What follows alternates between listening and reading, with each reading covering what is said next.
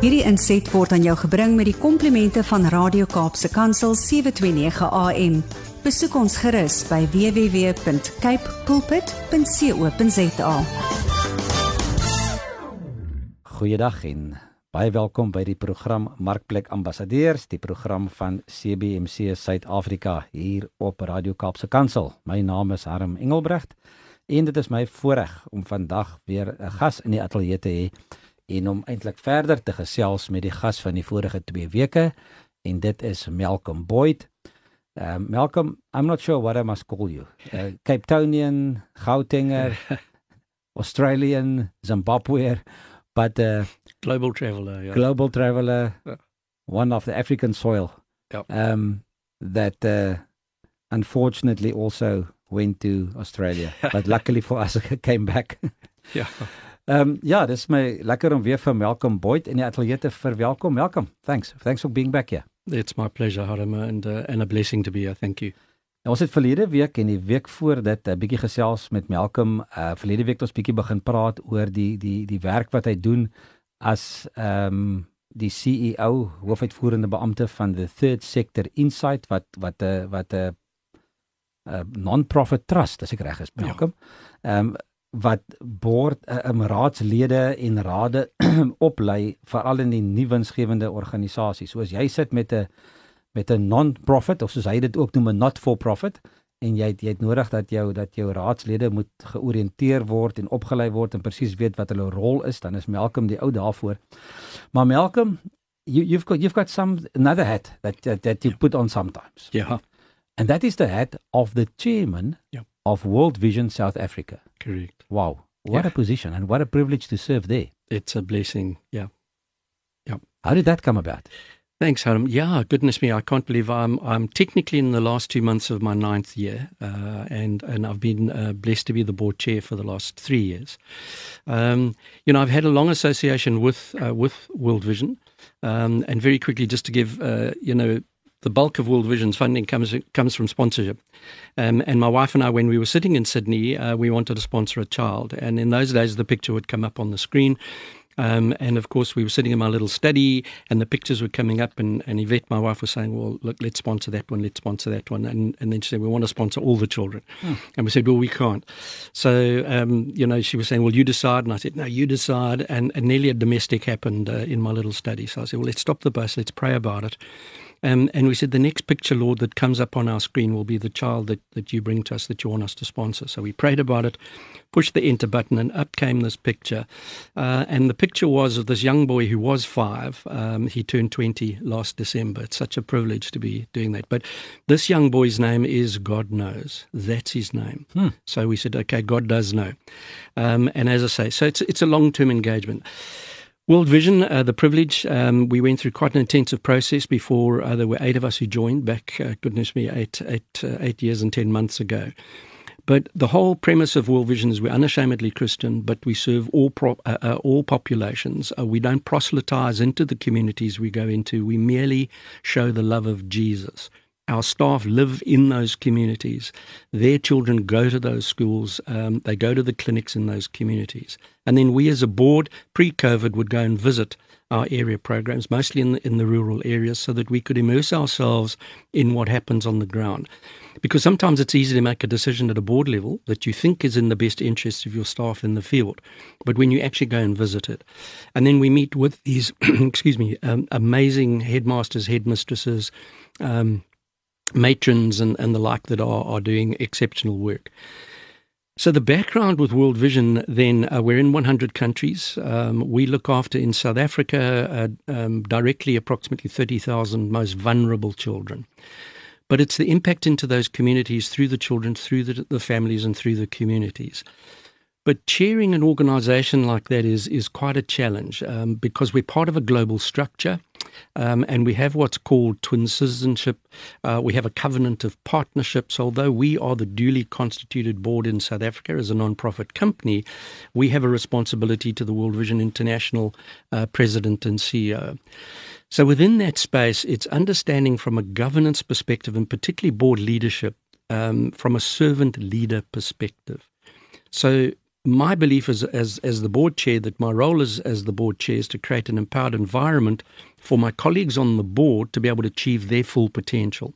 Because if they reach their full potential, we as a board have met our full potential, and then we create um, an empowered environment for our CEO to then go and do what they need to do. Phenomenal organisation. We've been in South Africa for 54 years. Um, you know, just quietly getting on on with business in serving those most vulnerable communities that we're privileged to serve. Yep. Malcolm, the first thing that that comes to mind um, when you talk about this, and many people will ask this question, and they ask it about a lot of nonprofits. Yep. When you are you rely on funding from the public, Yep. the first thing they will ask you, how do I know that the money I, I donate to that Yep. child actually gets to that child, and that it really will make a difference? Or are there some so-called fat cats that, that feed themselves and nothing gets to the kids? How um, secure is, is, is, is, is, is, is the is the is the is the funding and the and the, and the distribution of that? Excellent question. Um, and again, you're quite right. It's it's one of the biggest questions. Uh, we hold ourselves to the global standard of 85.15. So what that says is 85 cents in the dollar and euro must get to the project, and 15 cents is, is a global accepted norm that can be utilized for overhead. We have strict audit trails, we have strict reporting, um, and we can report on exactly where your one rand, if you've donated it, where it actually goes to. Uh, we also have capital campaigns, so we raise funds uh, for schools uh, and maybe in particular areas, because unfortunately, most of the child abuse happens between two and five in the afternoon.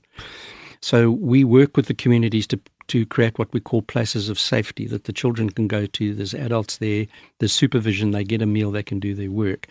We can show you, uh, and and f- using that as a ratio, sometimes we can show you a 1,4 to 1 return on every rand invested because we do additional capital campaigns to raise capital to be able to deliver the projects into the programs. But we have a reporting, you get a report every year as a funder, as a donor, if or a sponsor. Um, it tells you exactly what's been going on in that child's life that you're sponsoring in the community where the child lives, uh, and we can show you exactly how your your one rand has been utilised. Many organisations, unfortunately, have the opposite. It's 85 cents gets absorbed into overhead, and only 15 cents gets down. So those are good questions that anyone that is going to be uh, making a donation to a non-profit should be asking that question. I think you should because at the end of the day, we need to be good stewards of what, of what God entrusted to us. And if we we throw the money around and we think we're giving to a good cause, in the meantime, we we are feeding someone else that doesn't need it. exactly. Um, Malcolm, as chairman of, of, of this board, um, we spoke in the previous program about equipping um, board members and for Yep. their roles that what what they, what they need to take up in in boards. To be a chairman of something like this, Yep. and not specifically this one, your role, but also the chairman of any other board. We we are talking on this program on on, on being marketplace ambassadors. Yes. And if I, I'm going to ask you now the tough one, and please take us and uh, uh, and bring bring give us some parallels between between what we l- learn and read in Scripture about Jesus and the other leaders, and how a board chairman should do his work today, um, even if it's a profit or not for profit uh, Yeah. board. Great, great question. Well, first and foremost is um, you must be able to trust your colleagues on the board. Secondly, you must hold them accountable. Uh, and you must put in place uh, a process whereby they understand at the front end when they're recruited onto the board what the expectation is. So each of us that come onto the board of World Vision, we get actually a job description. Uh, we get a, uh, a breakdown of what is expected of us as a board member to perform on an annual basis. And if we don't meet that performance criteria, we will be sensitively asked to leave the board. So again, it, you know, I think there's a misnomer where most people think if you come onto the board of a non-profit, it's soft and fuzzy, and you know, we get together once a quarter and we have some muffins and coffee and, and we have a lekker kuier, um, and then that's it. Well, no, there, there's some serious issues now. World Vision, along with many other phenomenal organizations doing incredible work in South Africa, we hold ourselves to a higher standard. We're using somebody else's money to do what we need to do. And that doesn't mean, and, and I've just had a conversation, not on this board, I'm on another board uh, with a board member who, who I had to meet with, um, and we had to have a difficult conversation.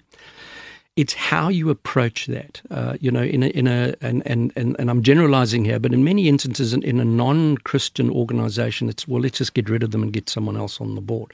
That, that might be what needs to be done. It's how you do that.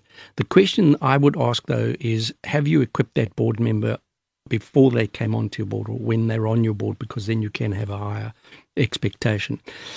But as a board chair, particularly of a faith based organization, we, we're doing this for Jesus. We're doing this for the Lord. Ultimately, yes, we're doing it for the beneficiaries that we serve, but we're showing the love of Jesus by the way that we run the organization, by the way that we govern the organization, by the way that we engage with our senior leadership team by the way we engage with stakeholders, uh, with the beneficiaries.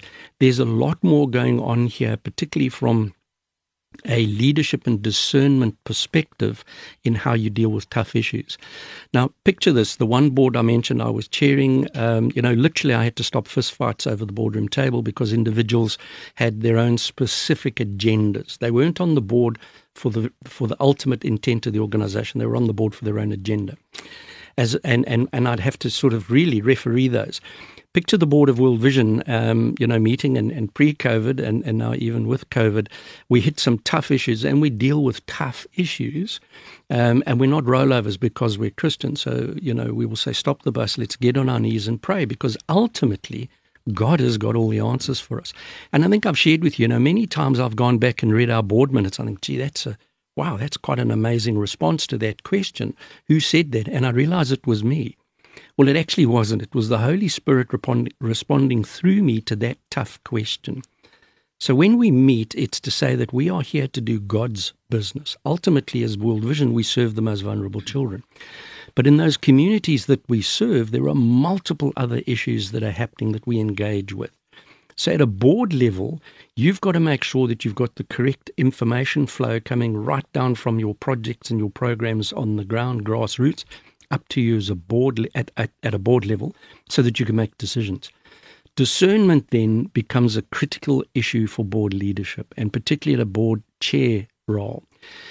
Because predominantly at this level, you know, you've got phenomenal in, in, um, individuals on your board. So you don't want to dampen the individual drive and input to the board. You actually want them to challenge. So I always say at our board meetings, challenge me, colleagues but challenge me from a better perspective.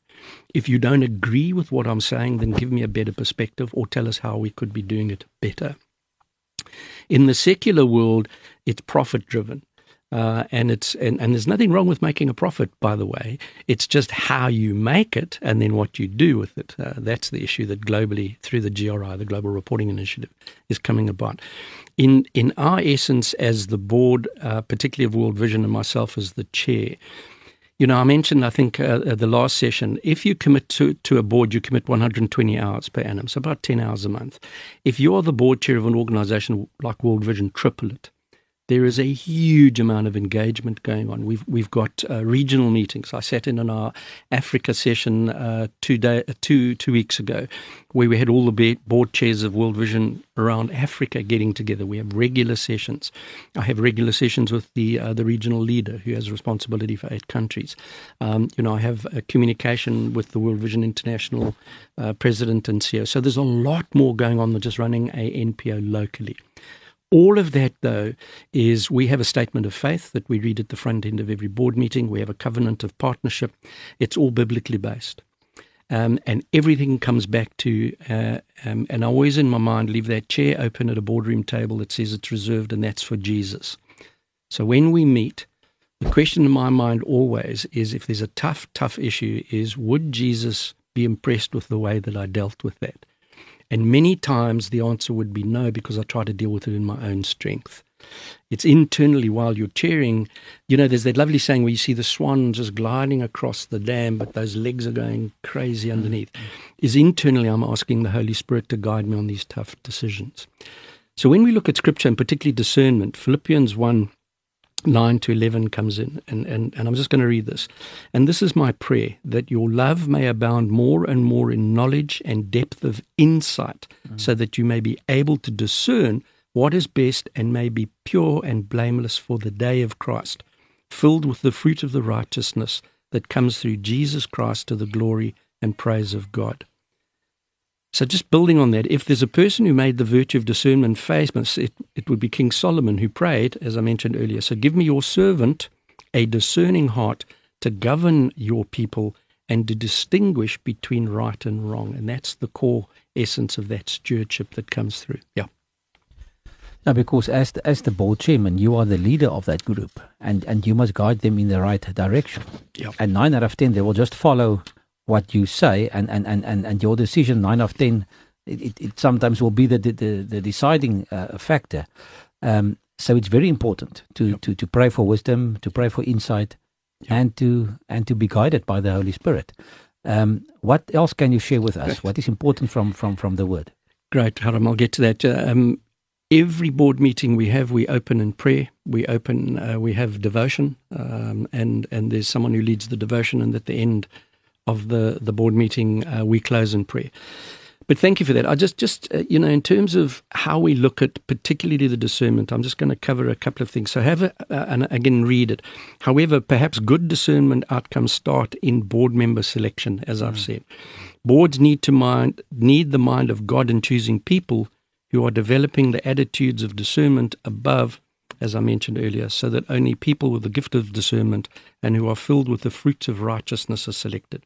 God will guide you. So James 1 5 um, says that if any of you lacks wisdom, you should ask God, who gives generously to all without finding fault, and will be given to you. And then Isaiah thirty twenty one, whether you turn to the right or to the left, your ears will hear a voice behind you saying, This is the way to walk in. So be quiet in those meetings uh, and in the board meetings. And then Isaiah 41:10. So do not fear, for I am with you. Do not be dismayed, for I am your God. I will strengthen you and help you. I will uphold you with my righteous right hand. And then there's a closing prayer that I generally always close. Would you mind if I go through it? Hmm. I think if we've got sure. time. We just say, Father God, we seek you afresh to direct our steps in the path you have set for us. Our desire is to please you by seeking your perfect will each time we deliberate, make decisions, pass resolutions, or approve strategy. We cannot do without a discerning heart that is sensitive and given to understanding your good, pleasing, and perfect will for every situation. Create in us, O Lord, the desire to cultivate a discerning heart that will always be reflected in the kingdom work of our organization. And we ask this for the sake of your glory and those we are privileged to serve. Abba, Father, may we encourage one another on the boards we are privileged to serve on, each to walk so intimately with our Lord Jesus Christ that we discern his desire mm. and purpose for every beneficiary that God has placed in the hands of the organizations locally, regionally, and globally that we are privileged to lead. Thanks, you, you, mentioned the word serve quite a few times in that prayer. Yeah. Um, it reminds me of, of Jesus that said he didn't come to, to, to, to, to be served, but to serve. Is that yep. also the attitude that a Christian yep. chairman should have in any board that he serves on? 100%. Uh, course, he must be the servant leader. Correct. And again, though, Adam, you raised a good point. That doesn't mean that uh, that person's a walkover. They will, they will, and I've had to confront some tough issues. It's how you do it and how you deal with the individual. Uh, and in some instances, we've had to let people go. Um, but it's the way that you do that. So it's not that we won't address uh, non performance. We do, but we address it from a different perspective, and that's from a biblical perspective. And that yeah. is in love. Exactly and to help the person right. I mean, not yeah. just to leave him. No, exactly. Yeah. yeah. Because yeah. if, if, he's, if he's not on the right path, he must be corrected. But it must be done in love and he must be supported through, through, that process of, of, of rectifying his mistakes 100%. Well. Yeah, yeah, exactly. Malcolm, once again, thanks a lot for being here. My Anything else you want to share with us? No, thank is you, that, Adam. Is just, that what you had? Just again to say thank you for the opportunity and and um, just that uh, I, I'm, I'm immensely privileged and blessed, you know, to have been on the board of World Vision uh, and just meet incredible people across the board into TSI who on shoestring budgets are doing unbelievable things in our country every day to serve those populations who are underserved, particularly through socioeconomic uh, areas. Yeah. So thank you for that. Yeah, and thanks for, for joining us again, Malcolm. And if anybody wants to contact you, uh, once again, you can contact us at admin at cbmc.co.za we will send all the inquiries through to to Malcolm. Malcolm, your website address uh, for third sector. Great, thank you. It's uh, www.thirdsector t h i r d s e c t o r.co.za. Thirdsector.co.za. Ja, en dit was ons derde program wat ons nou gedoen het met met Malcolm Boyd. As jy dalk die eerste een of twee gemis het, gaan gerus na die Radio Kaapse Kansel se webwerf en gaan daar op hulle potgooi of podcast en gaan soek vir die ander programme van CBMC Markplek Ambassadeurs en jy sal dit daar kry. Gaan luister gerus en as jy wil kontak maak met ons, soos ek gesê het, stuur 'n e-pos na admin@cbmc.co.za en kyk ook gerus op ons op ons webwerf waarmee ons besig is by www.cbmc.co.za. Totsiens tot volgende keer. Hierdie inset was aan jou gebring met die komplimente van Radio Kaapse Kansel 729 AM. Besoek ons gerus by www.cape pulpit.co.za.